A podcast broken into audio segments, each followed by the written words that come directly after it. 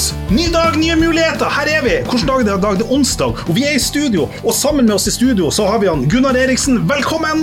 Tusen takk, Marius! Men vi er ikke alene. Vi er ikke alene, for i dag så gjør vi noe nytt og spennende og fancy. Vi har med oss gjesten fra start. Hvordan Ja. kommer det til å gå? Det får gå som det går. Hva fremtida vil bringe, det er jo uvisst. Men i dette tilfellet så tror jeg det kommer til å gå helt, helt fint. Marius. Tror du det? Ja. Så, hvem er gjesten vår? Eh, ja, det er jo da han eh, Sverre Magnus Salvesen, eh, førsteamanuensis på UiT, og kollegaen til dere to, Ja. luringene. Det her er han Sverre Magnus som sitter på nabokontoret mitt med den dype, malmfulle røsten som gjør at jeg av og til vurderer å bytte kontor. Ja. Det, av og til så hører jeg jo at du synger òg litt, Marius. Du har en bassstemme, du òg, så Jeg har en bassstemme. Men det er ikke det som er temaet i dag. Vi har snakka nok om sang. Jeg kjenner at jeg liksom fortsatt traumatisert etter Ja. sangepisoden vi har hatt. Jo, jo, jo, det, det, Ja. det var jo slik. Men vi må gå videre, Marius. Vi har et program. Ja. Og det vi da skal gjøre i dag, Først så har vi fått et spørsmål, og så må vi snakke om kunstverket. Vi snakket Ja. om kunstverket for en gang eller to siden. Ja. Har, dere, har du fått med deg hva som har skjedd med det? Nei, men eh, jeg ser frem til en oppdatering om eh, kunstverket. Altså, vi er jo både kultur- og kultpersonlighet. Altså, Ja, ja, ja. kunstverk, det må vi eh, få, få, få vite mer om. Nemlig. Og til våre nye lyttere så var det sånn at jeg hadde da satt opp etter en, en, laget en kunstinstallasjon på toalettet på Det juridiske fakultet, hvor jeg da hadde hengt opp et eh, brodert eh, skilt der det sto 'Gud ser alt'. Um, Som var illustrasjonsbildet på den episoden. Ja. Og det var jo da et forsøk på å skape en, en, en diskusjon og en, en sånn hva, Hvem er egentlig Gud, og hva betyr det at Gud ser alt? Så tenker jeg det at det kunne bety ulike ting for ateisten og for agnostikeren og for eh, ulike retninger innenfor kristendommen. Og her aner man jo ikke opp, fordi at hvilke reaksjoner det vekker, det vil være opp til den enkelte. Ja, og ja, hva ja. skjedde? Jo, en fredag for noen uker siden så er jeg inne på det samme toalettet, og der Ja. ser jeg det at det ligger noe eh, eh, borrelås i søpla. Og ser opp og ser at der er kunstverket borte. Og borte var det i mer enn ei uke, før jeg da her for noen dager siden fant det liggende oppå ei, ei hylle i Det juridiske fakultet i korridoren. Og navnelappen med navn og telefonnummer som sto bakpå, det var borte vekk, sammen med borrelåsen som var. Så hva som har skjedd her, det er et mysterium. Det er det, og du har ikke fått borra Jeg har ikke fått borra inn på det. Men jeg tenker at det her må jo være en slags kunstkritikk. Det kan være en kunstkritikk, og så kan det jo òg være at det er noen som misliker at eh, Gud opptrer som programleder i Naked Attraction. Det kan det også være. Sverre, hva du tror Hvorfor, hvorfor er jeg blitt sensurert? Altså, Var det for sterkt? eh, først og fremst så kan jeg jo si at det kunstverket ble jo lagt merke til også av meg. Så eh, da jeg skulle inn en morgen på toalettet og gjøre mitt sedvanlige, så, eh, så fikk jeg jo med meg at Gud skulle være vitne til det. Ehm, og så vet jeg jo at det er mange som eh, kanskje har litt aversjoner mot eh, høyere makter på fakultetet, og jeg tror kanskje at eh, det som har skjedd der, er rett og slett at kunsten har oppnådd sitt formål, nemlig at den har skapt en eh, vekka litt harme hos eh, publikummere, enkelte publikummere, og kanskje deretter også blitt uh, fjerna for å unngå at man er nødt til å ta og bevitne det hver gang man skal være på toalettet. Det er en hypotese. Vi går over til spørsmålet. Og spørsmålet denne gangen er Å ja, hadde du en, hadde du en eh, Nei da, Marius, vi, vi, vi, vi, vi, vi legger den eh, død, og og vi er jo begge klar over at uansett ser jo Gud alt. Nemlig. Nemlig. Vi skal over til spørsmålet, og spørsmålet er mm, Jeg er ute og kjørte i bilen min, og jeg kom til en plass hvor det var eh, Brøyteplogen hadde vært og kjørt og kasta snø opp etter eh, trafikkskiltene som viste hastigheten. Og det var umulig for meg å få tak i hvilken hastighet det var, så jeg kjørte for fort og fikk en bot av politiet. Hva, had, har de lov til det? Det er jo et interessant spørsmål. Jeg tenker eh, Hvorfor spør de sånne to nedsnødde typer og, og, som oss om eh, det? Kan vi ikke vi bare la spørsmålet gå videre i en litt bearbeida form til gjesten vår? Hva ville du gjort, Sverre Magnus? Nå skal jeg faktisk være helt ærlig her og si at jeg i et øyeblikk eh, kom på det her med det kunstverket, og det, det gjorde at jeg ble satt helt ut her. Så eh, det at Gud så alt, gjorde at jeg ikke fikk helt med meg hva det var som var spørsmålet. Gud ser alt, men ikke Sverre. Ja, Gud ser alt, men ikke meg i det her øyeblikket. Nei, men det var Snøball, altså. At det var, hva var spørsmålet? Nei, altså, du, man, er ute, man, er ute, og kjører, du har en, en fartsgrense. Mm. Um, fartsgrenseskiltet er snødd ned ja, ja, ja, eller, eller er usynlig. Klassisk problemstilling hva er, hva, Har man lov til å få en bot? Hva? Ja, øh, nå skal jeg jo bare Igjen, dette er jo ikke mitt rettsområde, så dere er jo som ingen av oss, tenker jeg at det er. Men uh, umiddelbart så, så, ser jeg vel at uh, han stat skal vel ha sitt her uh, mm. av uh, bøter eller forelegg og eventuelt en liten runde bak lås og slå om det går fort nok. Så mm. jeg tenker umiddelbart at uh, her er det faktisk føreren som antageligvis kommer til å få smekken. Med mindre man kan tenke seg en situasjon hvor det faktisk ganske nylig er blitt noen oppdateringer her. Mm. Det blir jo en slags sånn rettsvillfarelsessituasjon, tenker jeg. Ja, ja. Um, så uh, Men det er klart, skal man tenke at føreren da skal gå ut av bilen og ta snøkosten sin og, og koste av skiltet, liksom? Nei, men, uh, men, det er jo noe med at Hvilken trafikkfarlig situasjon vil kunne oppstå da? Ja, det er sant. Men samtidig skal ikke føreren gjøre seg litt kjent med å kunne gå ut ifra at man er litt kjent med det nærområdet man ferdes i, sånn at det på en måte er opp til føreren å, å uh, gjøre seg kjent med hvordan rettslige mm. reguleringer som ligger på de veiene man ferdes på. Altså, igjen, jeg tenker jo Men litt hvis vi er en langtransportsjåfør som mm. kjører mm. gjennom hele landet, eller ja, Så tenker jeg jo at det er snakk om risikoplassering her. Og igjen, min, min magefølelse her er at uh, rettsvillfarelsen vil gå utover føreren. Altså, uten at jeg nødvendigvis syns at det er så veldig riktig, for jeg er jo enig med deg. Her må man jo kunne catere til at det finnes ja. nye mennesker som ferdes på de her, de her områdene hvor de ja. skiltene er snødd. Så uh, det er jo ikke et godt svar egentlig å komme på her. Men uh, dette tipper jeg jo at uh, det kan være ulike oppfatninger om sånn rent utafor det rettslige. Ja, det er jo spørsmålet er jo en, en, en villfarelse, faktisk, eller rettslig som er ute og går her. Et lite kommentar til det med langtransportsjåfør. jeg tenker Det blir litt sånn mindre problematisk. Du sitter så høyt der at det er jo bare å rulle ned ruta og, og børste av skiltet. Men det var jo faktisk en sak om det her i, i 2012.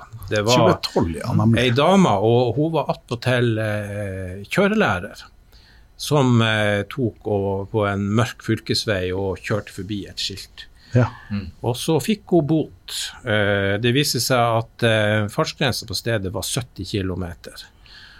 Og eh, eh, hun argumenterte med at eh, for det første at hun var trafikklærer. Hun visste at, eh, at hun var utafor tettbygd strøk eh, på en fylkesvei, og da den alminnelige fartsgrensa da var 80, men den var faktisk 70. Eh, så hun, Jeg syns det er en god argumentasjon. Ja, så hun tok og, og, og både hadde et, et rettsvillfarelseselement der, at hun gikk ut fra at regelen var 80, men det viste seg at grensa var 70, så det var et rettvilfarelseselement der. Uh, og så uh, sier politiet, da, som selvfølgelig sto og tok henne, og så sier de at det, den kjøper vi ikke. Du får uh, fartsbot, og, og får, det begrunnes i da den aktsomhetsplikta som alle veifarende har. At hun, når hun ikke da visste hva fartsgrensa var, så måtte hun ha en plikt til å bringe klarhet i det. Mm. Altså hoppe ut, klatre opp på skavla i eh, miniskjørt og høyhælte sko og eh, ta og børste over skiltet. Mens bilen står parkert i veibanen i 70 eller 80 eller et eller annet sånt rett framfor et sving. Nettopp, nettopp. Og, eh, og eh, i den saken, så, som jo ble en stor mediesak, så tok jo da eh, Eh, for det første så har du en retningslinje at eh, Vegvesenet skal ta og sørge for å holde sine egne skilt eh, rein, men regelen der er at det skal skje innen 24 timer etter f.eks. et stort snøfall. Så eh, det skal være en regularitet. Men det hjelper jo lite når det skjer da. Sånn at Du kan jo ikke begynne med å tulle med noen sånn regel da. Men det ble jo spørsmålet forelagt for eh, eh, Vegvesenet, hvor en av eh, sjefene der tok oss og var rivende uenig i det her, og så sa at Rivende uenig i politiet. i politiet Ja. at eh, det var eh, det var eh, det var uaktsomt å stoppe rett og slett på en mørk fylkesvei og begynne å tulle med det her hvis du ikke da, eh, som Vegvesenet, hadde sånn her arbeidslysvarsling. arbeidslysvarsling. Slik at eh, da kan man jo spinne videre på det her og si at eh, kanskje Biltema burde begynt å selge sånne her, eh, gule roterende lys, og at man har sånn plikt å ha med det Ja. i tillegg til sånn her vest og greier. og Ja. På med vest og gult lys på taket og, og fram med børsten. Og kanskje man må ha en sånn eh, skikkelig lang kost med sånn teleskopstang som trekker ut.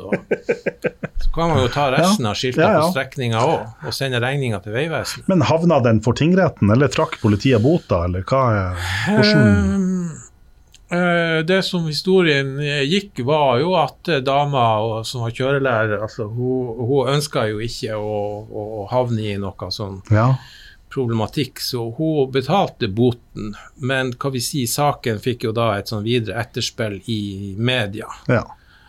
Om politiet da trakk noe bot, eh, sto det vites det ingenting om, men jeg tviler egentlig sterkt på at eh, noen offentlige etater tar og sitter langt inne og ettergir noe, særlig parkeringsbøter. Det har jo du litt erfaring med. Det har faktisk jeg òg erfaring med. skal jeg si. Så, ja, eh, Men da er altså konklusjonen at, eh, at det synes som at politiet har en praksis, men at den nok er problematisk, at den Ja. sannsynligvis ikke vil stå seg hos domstolene dersom Ja. tilfellet skulle skje.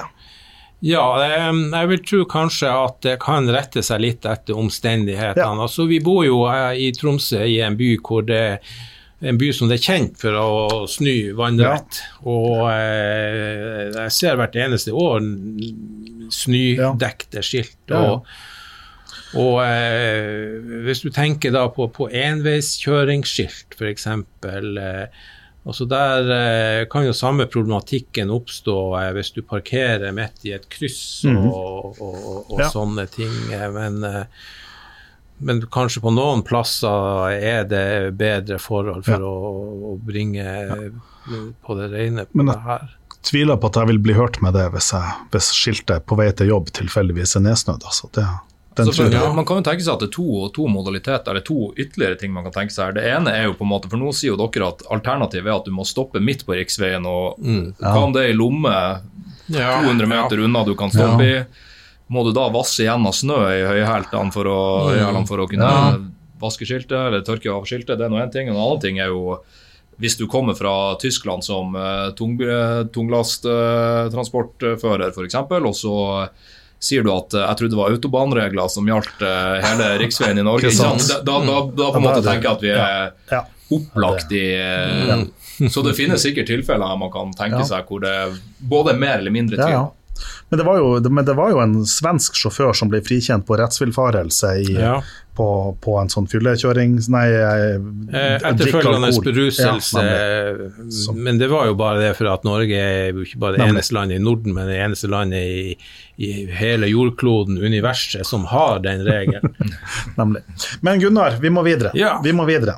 Okay. Eh, Du har med deg en dom i dag. Ja, jeg har eh, med meg en dom, og hva vi sier liksom eh, Jeg tar jo eh, Jeg er jo ofte veldig subjektiv, og, og jeg tok og noe som rørte meg i denne eh, dommen. Eh, Det handler om om dette her med livsavslutning, sjølvalgt livs, livsavslutning. Vi vet jo godt at i Norge er jo altså aktiv dødshjelp forbudt. Eh, De som ønsker pga. sykdom å streve med den og avslutte livet sitt, drar jo gjerne til, til, til Sveits og får det her eh, profesjonelt utstyrt, eh, utført, hvor det er, er, er, er Ja. lov. Men så har vi jo, hva vi si, eh, det som er litt mindre altså assistert eh, dødshjelp. Altså hvor Ja. du ikke altså er aktivt utføre handlinger, men at du legger til rette for den. Mm. eh, og kalles det AD av de som jobber med det. og og så har du et annet fint ord, Sverre Magnus, på det. Hva, hva, hva er det? Eutanasi, er det ikke det? Eutanasi, ja. Ja. Og ehm, eh, eutanasi og assistert dødshjelp, altså det har blitt eh, akseptert, eh, begynt å bli akseptert i mange land. Mm. Du har en eh, dom fra den tyske konstitusjonsdomstolen som godkjenner det. Du har selvsagt Sveits, eh, Belgia, Nederland er vel òg det. Mm. eh, Godkjent, og i USA eh, tror jeg delstaten Oregon har den føydale eh, høyesteretten eh, godkjent. Føydal høyesterett, faktisk, i Oregon. Det, Ja. det tror jeg er en ny Ja, det konstruksjon. er en ny konstruksjon. eh, Nei, um, føydal domstol Ja. Føderal. Føderal. Føderal. Ja, Der er OK, OK. da- Salen eh, skal ha sitt i domstolen, altså. Da, da, da eh, blir det litt opplesning på Amerika og sambandsstatene etter Hvor, Hvordan gjør de det der? Nemlig. Hvor er domstolene? Nemlig. Er det i Washington? Ja. Nei, men det har jo vært Ja. flere forsøk på å få et føydalt system der, så det Ja, ja, ja. ja, det, Sist 6. januar 2021. ja eh, stemmer det. Stemmer det. det det Men eh, videre. Ja, videre. Vi, eh, i, I Norge så er altså eh, det her strafferettslig regulert i straffelovens paragraf 277. Det er snakk om medvirkning til eh, selvmord. Um, I denne dommen, som eh, er jo, eh, hva vi si, jeg får jo nesten tårer i øynene å, lese sånne ting, men ting kan tyde på at man er kanskje litt eh, i bevegelse i, i Norge. Eh, det som skjedde, var Hvor da gammel er dommen? Dommen er avsagt eh, faktisk i 30. september 2021, ja. 2021. Interessant. Og ehm, det det handla om, det var en eh, sønn som da tok oss eh, fikk spørsmålet fra mora. Mora var terminalt eh, syk med, med kols. Og mora var eh, hjemmeboende og hadde hjemmehjelp. Og, eh, og, og mora hadde jo da i de dårlige periodene eh, ekstreme vanskeligheter med å, å, å puste. Og eh, hun orka ikke mer.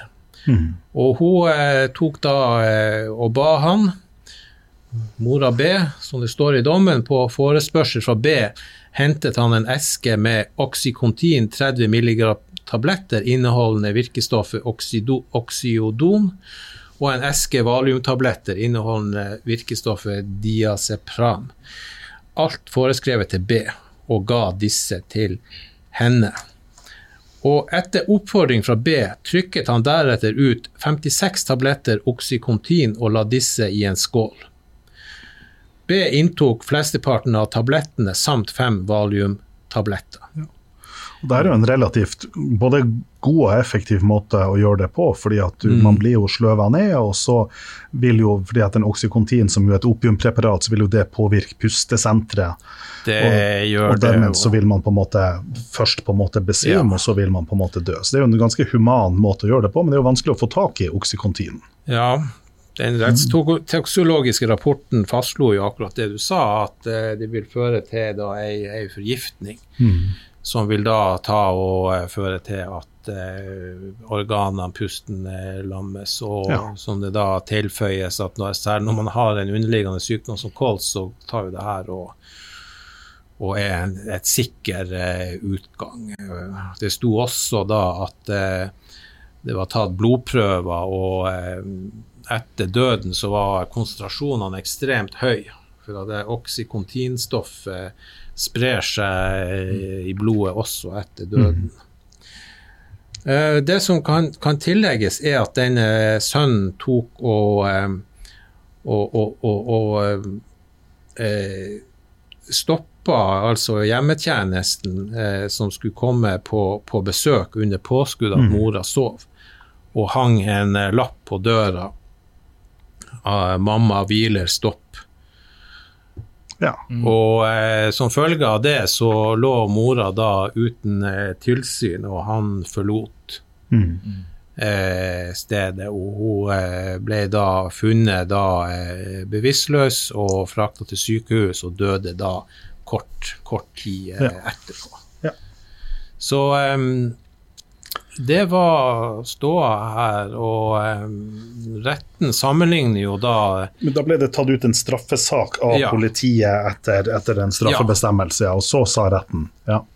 Ja, det, det var det som skjedde. Og så tar, eh, tar retten og, eh, og, og, og gjør si, si, si vurdering av, av dette. Og aktor tar og, eh, og prosederer på at tiltalte ikke bare med de faktiske handlene, men også psykisk medvirka til at hun eh, tok sitt, sitt, mm. eget liv. Um, den gjerninga med å trykke ut tablettene og fylle dem i ei skål, det tar eh, retten også og vurderer at det vil eh, falle under, un, under medvirkning. Ja. Slik at eh, det, det er ikke tvil om at det er et, et medvirkningselement. Ja. Og det psykiske elementet tar retten og vurderer da at bistanden med at, hun, at han satte fram skåla til henne, det tok og, og, og styrket hennes forsett om å innta tablettene. Slik er vurderinga der. Og eh, retten tar jo da, til tross for at de har eh, sympati, og sier at det er klart at frifinnelse pga. Av, av nødrett da ikke kan komme på tale, noe som jo er et standardanførsel i slike saker av Forsvaret. Og, og det tar faktisk retten å bemerke at for øvrig Forsvaret har gitt uttrykk for å være enig i. Ja. Det Og, eh, Ja. Men eh, det sammenlignes òg med en eh, annen lignende sak, hvor eh, døden inntraff med at eh, ei eh, kone tok og eh, stakk ei sprøyte med heroin inn i armen på sin terminalt syke mann. Og så holdt hun sprøyta mens mannen trykte stempelet ned. Mm. Og da sier retten at det her er ei mye nærmere medvirkningshandling enn det gjør det her. Mm. Men eh, det som jo eh, er litt spesielt her, det er jo at straffen, strafferamma er fra 8 til 21 år. Ja. Men så tar eh, retten oss og sier at eh, dersom særlige grunner gjør seg gjeldende, så kan straffen likevel settes under minstestraffa, som jo er åtte år, til en mildere straffart. Noe som da er hjemla i eh, 277. Så eh, eh, her, eh, her tar og eh, Så de går inn og rett og slett foretar en konkret vurdering? De, de, de gjør det gjør det, og eh, hva vi si eh, Domsgrunnene er jo ikke de aller beste, men eh, retten tar jo for det første å plukke med seg den mest lavthengende frukten, at han her har gitt uforbeholden tilståelse. ja. Men så tar han og em, tar han og, si, og ser det dilemmaet av etisk-moralsk karakter, som jo er, er, Ja. er, er, sentralt eh, her. Og Ja, Nå er jeg spent på konklusjonen, altså. Ja um, eh, det, det, Retten tar ikke egentlig denne ballen. Um, det er egentlig tre vikarierende begrunnelser. Jeg føler jo egentlig her at, at man tar og så, og så ei, eh, får et fornuftig resultat, men begrunnelsen ligger jo egentlig i hans uforbeholdne tilståelse, at saken har hatt ekstremt lang liggetid, og for Ja. det tredje at han eh, mannen her, han var også da eh, eh, stoffmisbruker, og Ja. han eh, eh, var på plass på et behandlingssted. Ja, Og men, hensynet til da eh, hans eh, rehabilitering. ja. Så Men eh, retten prøver seg jo litt prinsipielt når de tar og sier det er et spørsmål om det er vern om livet som den aktuelle straffebestemmelse beskytter, tilsier at ubetinget fengselsstraff likevel må fastholdes. For det det ender med, er jo at det blir ett år fengsel, men betinga. Og da kommer man tilbake til det her etiske, moralske dilemmaet, og at eh, mora hadde gitt uttrykk tidligere for at hun hadde et eh, fast og sterkt ønske om å, eh, å, eh, å avslutte livet, slik at dette på en måte framsto, si, som en ei ganske sånn eh, overveid beslutning fra mora. Og så tar man også og kommer med en annen klassiker eh, som jo er nesten litt smårar, at, at risiko for gjentagelse må du ses bort ifra. det, det, det blir jo nesten Men altså ett års betinga, Ja. men var det noe av det som ble gjort ubetinga? Nei. Nei. Kun betinga. Ja. Kun betinga, Ja. med to års eh, eh, prøve, Ja. prøvetid. Interessant. Men det her er jo, det her er jo interessant. Altså. Det, er jo et, det er jo et nytt spor. Tenk at Hvis vi på en måte går tilbake til, til Sandsdalen-saken, som vel er fra 1998, hvis jeg, Mm. hvis jeg ikke husker helt uh, feil. Det er mulig. Ja, det, det Ja. Nå er det mulig jeg bare slenger ut et, et Nå vil jeg bare minne nye lyttere på her at, eh, at prinsippet her på Juss og Joss er det at Gunnar kommer inn med denne dommen. Og jeg vet ingenting om hvilken dom han har før jeg er her i studio. Men altså, Sandsdalen-saken fra 1998, det var den lege Kristian Sandsdalen som da gjennomførte aktiv dødshjelp, som da hjalp en pasient i en tilsvarende situasjon, men jeg tror ikke han var en familieforhold til den. Mm. Og Saken kom til Høyesterett, og han ble da straffa for det. Mm. Eh, og Så har det vært da flere, flere andre saker, bl.a. en sak fra Salten tingrett fra mm. 2012 To, eh, tidlig på 2000-tallet. Ja, ja. eh, og da var, ble på en måte resultatet eh, to års fengsel, hvorav ett ble gjort ubetinga. Men der var de formildende omstendighetene ikke av en like stor karakter som det, du, som det, som beskriver her. For da var det et ungt menneske som, som eh, altså tok livet sitt, eller på, på en måte ja. døde. Mens her er det på en måte et gammelt menneske, og det, i den unge mennesket så var det psykiske lidelser som kanskje kunne behandles osv. Så, videre. så det er på en måte noen, noen forskjeller. Um, men, men så er det klart at her er det jo en utvikling som skjer. sånn at Hvis vi går inn på f.eks. praksis fra Menneskerettsdomstolen, så har det vært flere saker på det her på ulike, ulike vinkler, hvor det Menneskerettsdomstolen hver gang da sier, det er det at dette dette vil ikke vi touche i. Hvor man på en måte Ja. sier at dette er opp til statens skjønnsmargin. skjønnsmargin. Det er ulike stater ulike moralske oppfatninger på det. Og, og, Ja. Så man har en rett til liv, men, men hvordan grensene rundt det her utformes, det er på en måte opp til nasjonale myndigheter. Absolutt, og det er jo det som er, er, er, er det sentrale Ja. spørsmålet her. Og eh, jeg tenker jo også at, eh, at hva er den Hvis vi nå skal ta oss og grasbette en sånn kilde, liksom, hva er den alminnelige oppfatninga blant, eh, Ja. blant, blant folk her og sånt? og eh, holdt på å si eh, ja, Alle er jo enige sånn at eh, hvis dyr blir skada, man skal ikke skal la dyr Mm. lide og sånt. Og, Mm. Men så har vi jo i, i norsk rett altså det, det sterke vernet om, om, om retten til, Ja. til, til liv som, som er så, så, så sterkt. Og det, det ser vi jo i, i diskusjonen om, Mm. om abortlovgivninga. Og Mm. det er jo nylig vært oppe det med å, med å, å fjerne nemnden. Vi, altså, vi Ja. har jo ikke kommet Nei. noe videre nesten Nei. fra 70-tallet her. Men det, men det syns jeg, det synes jeg er, er interessant. også i, min, I min analyse av det her, så er det sånn at når du får opp de her sakene sant, i den beskrivelsen som beskrives her, så er det litt sånn, det er på en måte vanskelig å være uenig i den beslutninga til hans sønn. Og jeg tenker at, og jeg tenker at og Hadde jeg vært i den situasjonen som på en måte er beskrevet her, så, så kan det ikke utelukkes at jeg hadde tatt det samme valget.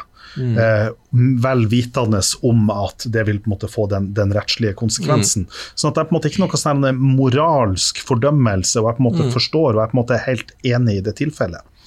Men så er likevel min tvil rundt denne saken, altså rundt, rundt, denne, rundt denne praksisen, det er, det er det altså på en måte flere, flere forhold som gjør det. Det ene er at den praksisen, det man ser fra Nederland, det er jo det at når man på en måte har åpna opp for aktiv dødshjelp, så er jo det fordi at utgangspunktet alle sammen er enig i disse ekstremtilfellene, hvor da at det bør være aktiv dødshjelp i de tilfellene.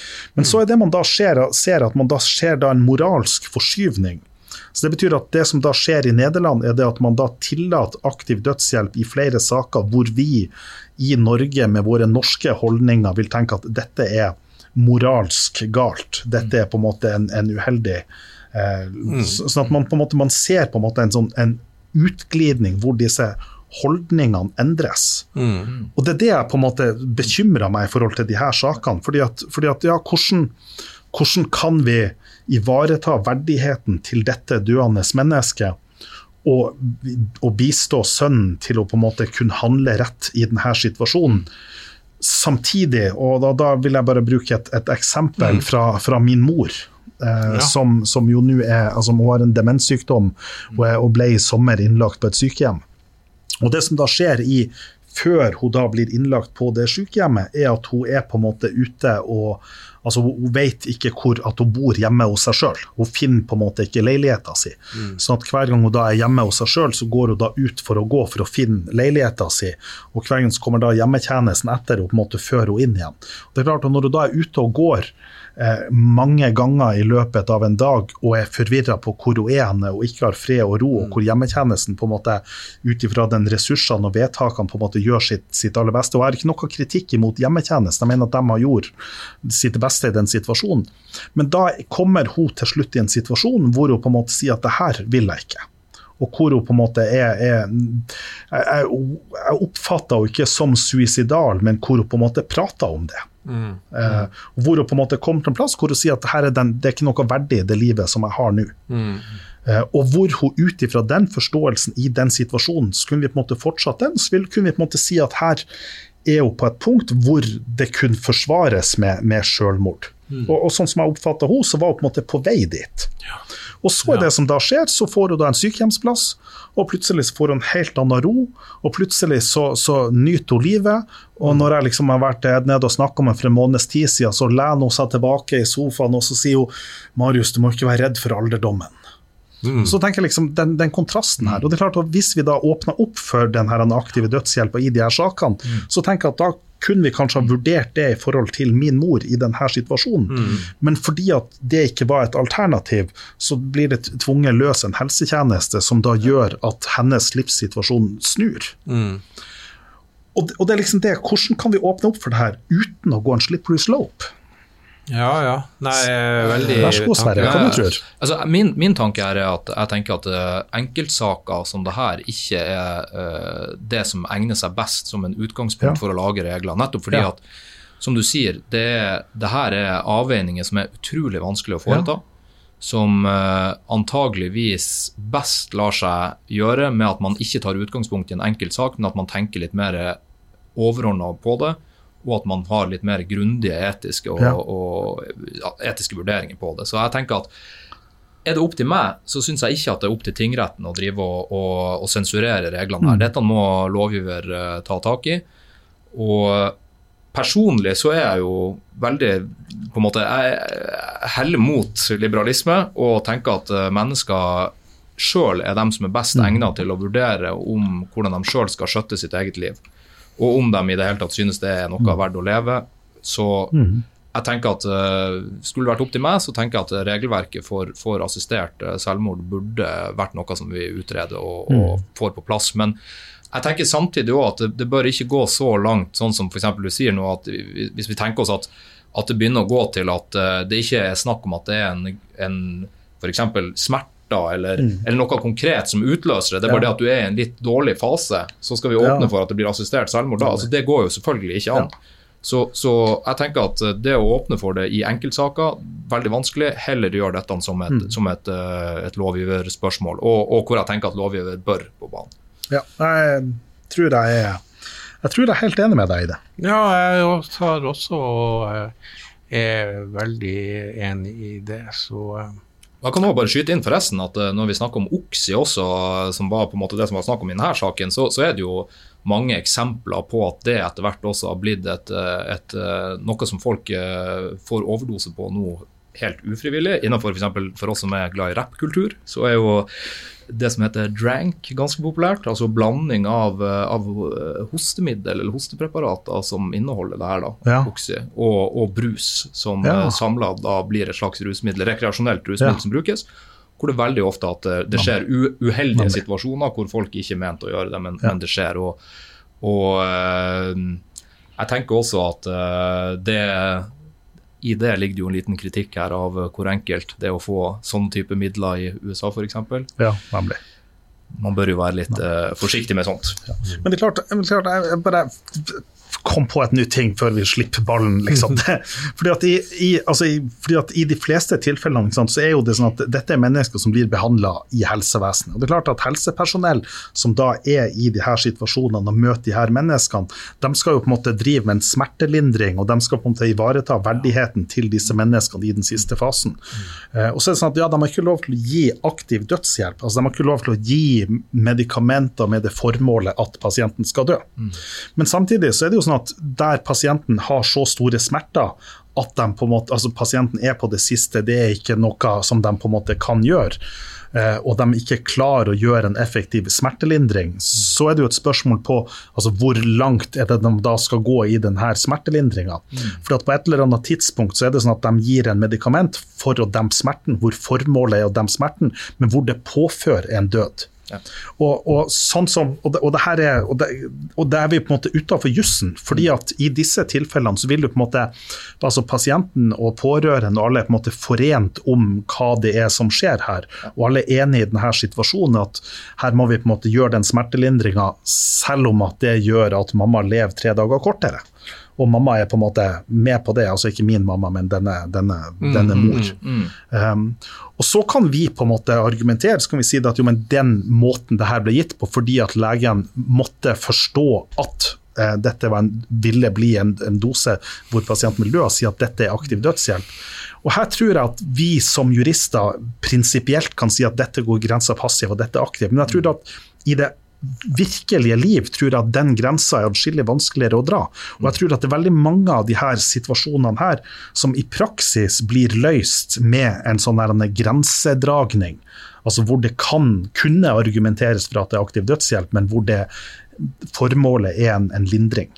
Og Det der tror jeg vel at det er mange av oss som kjenner oss igjen i. Altså, eller Jeg kan jo personlig si at det, det har jeg vært borti. ikke sant? Ja. At man bruker morfinpreparater som, et, som en lindring i en siste fase hvor, det er, hvor, man, eh, hvor man kanskje har eh, kunne levd litt lenger i smertene hvis at man ikke hadde gjort det, men samtidig velge å, å, å heller bruke morfinpreparater for å, for å sørge for at den siste biten av livet kanskje blir litt lettere. Og, og jeg tenker at da er vi utafor det som er jussen, det vi på en Ja. måte snakker om med assistert selvmord her, da, da er vi jo det, det er jo en helseperson... Person, altså Da tenker jeg helsepersonell har god koll og jevnt over virker til å ha ganske god koll på, på når det er forsvarlig å, Ja. å assistere med morfinpreparater. Ja. Da er det sånn at jeg skal ta en liten sånn her sjefsavgjørelse. fordi at Nå ser jeg på klokka, og så ser jeg det at hvis vi nå først skal innom min dom, og vi så skal få gjort oss nytte av han Sverre Magnus, så er vi liksom langt over vår sjølpålagte tidsgrense på en time. Så i dagens Juss og Joss så blir det ikke en, eh, en dom fra eh, Marius. Jeg, jeg tror at eh, sånn, sånn blir det i dag. Ja, men eh, det er jo eh, en fornuftig avgjørelse å ta, Marius. Eh, vi var jo nå med det her AD-problematikken, så var vi inne på interessante ting. Men nå, Marius, nå har vi en gjest som har Sitter og brenner med kunnskap og- og, og formidlingsglede. og, Og, og, brenner med kunnskap og formidlingsglede. Og han er jo eh, uttrykkelig presentert, han Sverre Magnus Bergsli Salvesen, som da eh, tok eh, og eh, disputerte nå eh, i eh, vår med avhandling av kreditorvern. Så da må jeg jo bare ta oss og spørre litt småfrekt Sverre Magnus, hva fikk en godtroende ung mann til å skrive om et sånt tema? Det er godt ordspill der, eh, Gunnar, at det ikke var godtro, men kreditor jeg valgte å gå for istedenfor. Ja. Nei, eh, hva skal jeg si om det, da? Det er jo litt sånn som for de fleste av oss, tenker jeg, når vi, når vi står etter studiet, at uh, man er nå ikke helt sikker på hvordan veier man skal gå. og For min del så var det jo litt at uh, på femte året da jeg skulle skrive master, så, så var jeg innom en tematikk som, som uh, som, i, som blir også berørt i, i doktorgraden. Så, som jeg syns var veldig artig å skrive, da, denne masteroppgaven. Og den ble jeg også inspirert av i sin tid for, til å skrive gjennom undervisninga jeg hadde på tredjeåret mm. i det faget her. Og etter å ha vært tre år ute som advokat, så syns jeg at uh, det var spennende og artig, men uh, jeg ønska litt for min egen del, og, og liksom det her med selvrealisering og, og alt sånt, og, og, skrive en doktorgrad. Og, ja. mm. og har vel alltid òg tenkt at akademia er noe som jeg syns er veldig spennende og fascinerende. Mm. Så da tok jeg kontakt med veilederen jeg hadde på masteroppgaven, og så drodla vi litt høyt over en øl eller flere. Og, du vil ikke spesifisere antallet her? Nei, det trenger vi ikke å gjøre heller, men, eh, men eh, nok, til at, eh, nok, til at, det ble en hyggelig kveld. Og så begynte vi nå kvelden med å drodle litt om det temaet. Var det noe å skrive master om eller ikke? Eller å skrive en doktorgrad om eller ikke? Og vi ble vel til slutt enige om at det var det. Ja. Og, ja. Så um, shout-out til han Roger Slander. Det er en veldig viktig person for min del for å ja. få det her i gang. Men uh, hvis vi eh, spoler litt tilbake, reglene om uh, kreditorvern, hvor finner vi dem, og hva går de um, ut på? Kan du si, mm. Si noe om det på to setninger istedenfor uh, 250 sider? Ja, vi kan uh, begynne med å si at de er spredd litt godt utover hele loven. Så det er ikke sånn at dette er noe som er samla innenfor én lov. Um, du kan jo si at uh, Startpunktet for de fleste som skriver om dette, er jo det, det som heter dekningsloven. da. Loven som, som, omhandler hva det er kreditorer kan ta beslag i.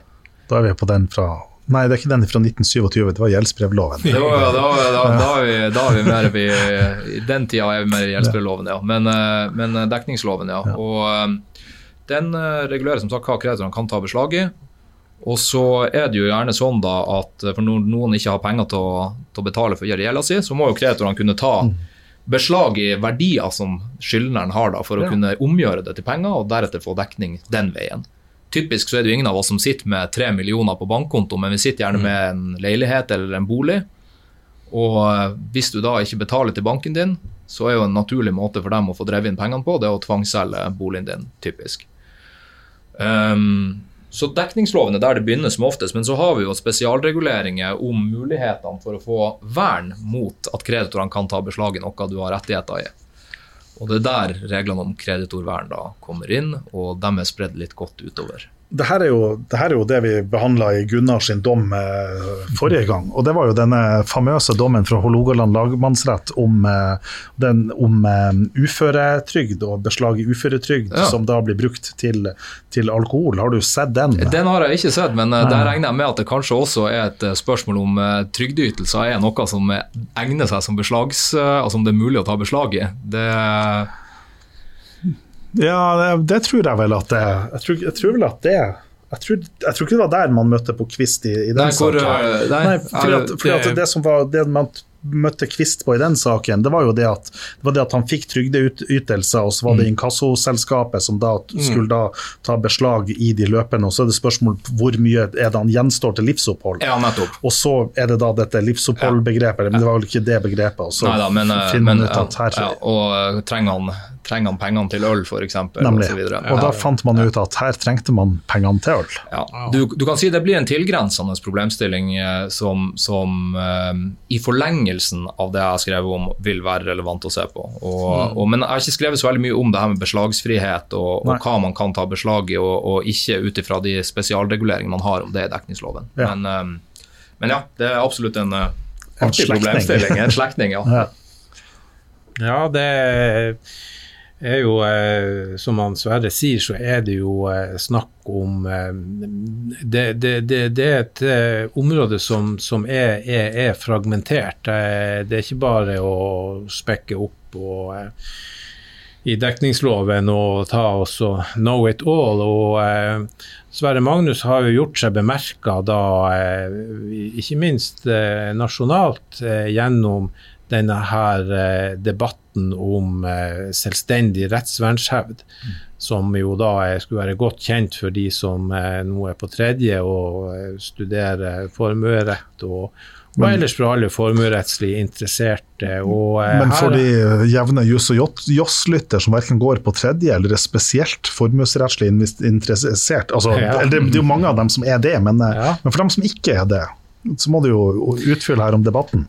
Ja, eh, selvstendig rettsvernshevd går jo i korte trekk ut på at man ikke har tinglyst sitt rettserverv. Altså jeg har mm kjøpt en eiendom av deg, og vi har skrevet kontrakt og fylt ut skjøtet, men av en eller annen grunn så har ikke det skjøtet blitt sendt inn og tinglyst. Ja. Og så tar eh, da den eiendommen som, som, du har kjøpt, og så eh, blir solgt til ja. en eh, tredjemann av eh, den som sitter med den formelle hjemmelen og er legitimert. Ja. Men så kan tvisten komme at hvis du da har sittet med den eiendommen i eh, 20 år, så kan du da Nemlig. ha tatt også utfylt din eh, manglende tinglysning med at du har hevda rettsvern. Og dette var jo oppe i Forusstranda-dommen. og da du, Sverre, var stipendiat, så skrev du en eh, artikkel om, eh, om, dette. Og da havna du inne i en eh, nasjonal formuerettslig eh, kjøttkvern. Kan du fortelle litt om det? Ja, Det ble jo etter hvert en slags sånn der eh, formuerettslig battle royal ut av det. Hvor eh, det var eh, det var, bare, det var, ikke bare, jeg her. det var jo Hans Fredrik eh, Martinussen i Bergen var jo førstemann ut til å skrive om, om det her i, i etterkant av Forestranda. Han hadde skrevet om det også i forkant, for så vidt. Um, og så heiv jeg meg på der. Og så var Gunnar inne med en artikkel etter det. Og så var Borgar Høgtvedt Berg til slutt da inne med, med sine vurderinger av Forestranda eh, i år i boka hans 'Beslagsretten'. Så vi var til slutt eh, fire stykker egentlig som var mm. inne i den, inni den potpurrien der, og hadde litt ulike oppfatninger om hva det var som var tilstand, eller rettstilstand etter Forestranda, med tanke på det her selvstendige rettsvernshevd. Og bare for å skyte inn det også, Gunnar nevnte nå at eiendommen ble solgt av den som sitter med grunnbokshjemmelen eh, etter 20 år. Man kan også se for seg at som var tilfellet i Forestranda, at en kreditor tar beslag i eiendommen. Ja. Mm. Eh, som da ligger hos den som beholder grunnbokshjemmelen. og Det var egentlig det utgangspunktet som lå til for Forestranda. Men uh, ja, den diskusjonen ble ganske hva skal jeg si? Den, den, den, den var livlig. Og, du, du, omtaler den som en, som en, Battle Royale, og til våre lyttere som ikke har sett Battle Royale, så er vel det en eldre versjon av Squid Game? Det er vel en slags eldre versjon av Squid Game, hvor det er alle mot alle, og så er det last man standing som, som blir vinneren, da. Og det artige som skjedde med, med den uh, diskusjonen her er jo at det nå i, faktisk i år, nå i september, uh, kom en ny kjennelse fra Høyesterett som, uh, som, på mange måter parkerte store deler av den diskusjonen som vi har hatt om, om selvstendig rettsvernshevd. Og åpna for noen nye ting, selvfølgelig, som ikke er avklart helt enda. Sånn er det jo alltid i jussen. En dør lukkes og nye åpner seg. Men, eh, men, mange av de diskusjonene vi hadde ble, ble, eller som ble ført i teorien, ble jo da avklart i, i den nye kjennelsen. Ja. Så um, det er jo litt stas å oppleve at man på en måte har vært med å eh, være en aktiv deltaker i på en måte en levende debatt ja. innenfor formueretten. For det er jo et rettsområde som ikke ofte på en måte har aktuelle debatter som går Nemlig. i teorien. Og, um, mm. Og, det er flere ting som er på agendaen nå. Overleveringskravet skal uh, mm. nå uh, i disse dager drive Høyesterett og skrive noe om det, antageligvis, i en ny dom som skal avsies ganske snart, tror jeg. Så ting, eh, ting lever i formueretten. Det er gøy. Det må være fascinerende. Jeg trodde formueretten var litt sånn statisk. Og... Ja, det, jeg syns at vi kan trygt slå et slag for at formueretten er mer eh, spennende enn en, en, en, en mange tror. Og mm. eh, jeg vil jo si at engasjementet i, eh, i, i debatten har jo, har jo vært, vært, stort. Og Sverre Magnus var jo invitert her i Oslo på en eh, stor eh, debatt om, eh, om dette, som han kom veldig fint og, og, og godt ut av. Gøy. Så, Ja, ja. Ja. mm. spennende. Det er artig når forskning, forskninga kaster litt av seg, at man får snakke litt om det også foran folk. ja, det er fint. Mm. Det er fint.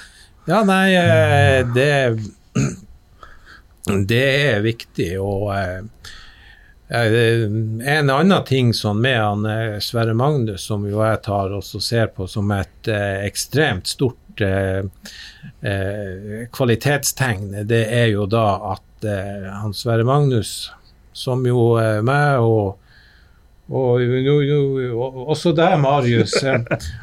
Han har jo hva vi sier, interesser hva vi sier, utenfor jussen. Han, han sitter ikke og eh, skriver eh, om, om, om kreditorekstisjon på en eh, lørdagskveld. Han driver med, med mye eh, annet og, og har et eh, variert liv, noe som er veldig sunt å ha. Det Men hva er det vi ikke vet om deg, Sverre Magnus? Nei, eh, si det. Jeg har jo allerede eh, tidligere i sendinga droppa av den rappreferansen, så jeg har jo ganske mangefasettert innenfor musikk, hører veldig mye på det. Eh, ja, hva skal man si? Eh, Han Gunnar, eh, vi diskuterte jo litt der før vi kom på sendinga i dag, og måtte jo nevne at jeg til helga skal bygge litt Lego. Ok. Ja, eh, har begynt å spille litt squash nå i det siste, som har vært ganske gøy. Du har ikke øvd deg på den her padelbølgen. Nei, padel er ikke Det er jo på en måte Hva skal man si? Det er for, eh, for oss som spiller squash, det kryptonitt er for Supermann. Så eh, Nei da, det, det, det var, nå skal ikke jeg påstå at jeg er noen sånn erfaren squashspiller, det er ikke. Jeg nettopp begynt i nå i høst, men det har vært, vært, vært veldig artig. Men eh, det er riktig som du sier, Gunnar. Jeg tenker at eh, mye av mye av uh, jobben vår går jo på å grave oss ned i juss og nerde om det. Men, men jeg tenker at uh, vel så viktig for å få perspektiv på ting i livet, det er å, å, å utvikle seg som, som menneske. Og ha åpning for at det kan være andre ting som, som hjelper deg i livet og kan gi deg glede, enn jussen. For skal man på en måte sette seg ned i lærebøkene og, og la dem eh, være det som på en måte er det eneste du vier deg til, så, så tror jeg både livet ditt blir fattigere som menneske, men jeg tror òg at juristen i deg også blir å lide av det. Så, mm. så jeg er en veldig stor uh, tilhenger av at uh, jussen bør være et blomsterbed hvor det er litt ulike blomster. Og, eh, og at man går litt bort ifra det her at det bare er stivpynta folk med, med et forholdsvis A4-liv hvor det bare er jussen som, som regjerer. Du ble målløs her. eh, Det var fordi at jeg og Gunnar så på hverandre, så var vi enige om at akkurat det der var avslutninga. Ja, ja, ja.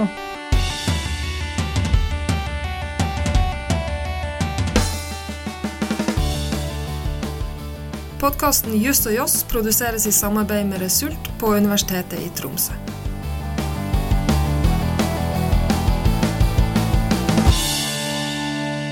Det var, eh, det var avslutninga. Vi er ferdig for i dag. Eh, Vi sier en kjempetusen takk til han Sverre Magnus, som har eh, vært med oss i hele sendinga og har Han har gjort det av egen fri vilje. ja.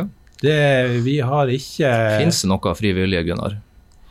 Det kan du eh, si. Vi, skal ikke, vi, må, vi må bare avslutte på det, tror jeg. For det, det blir for mye kanskje å ta en totimer på det. Det blir for mye. Det hadde vært en bra to timer. Det hadde vært veldig fint.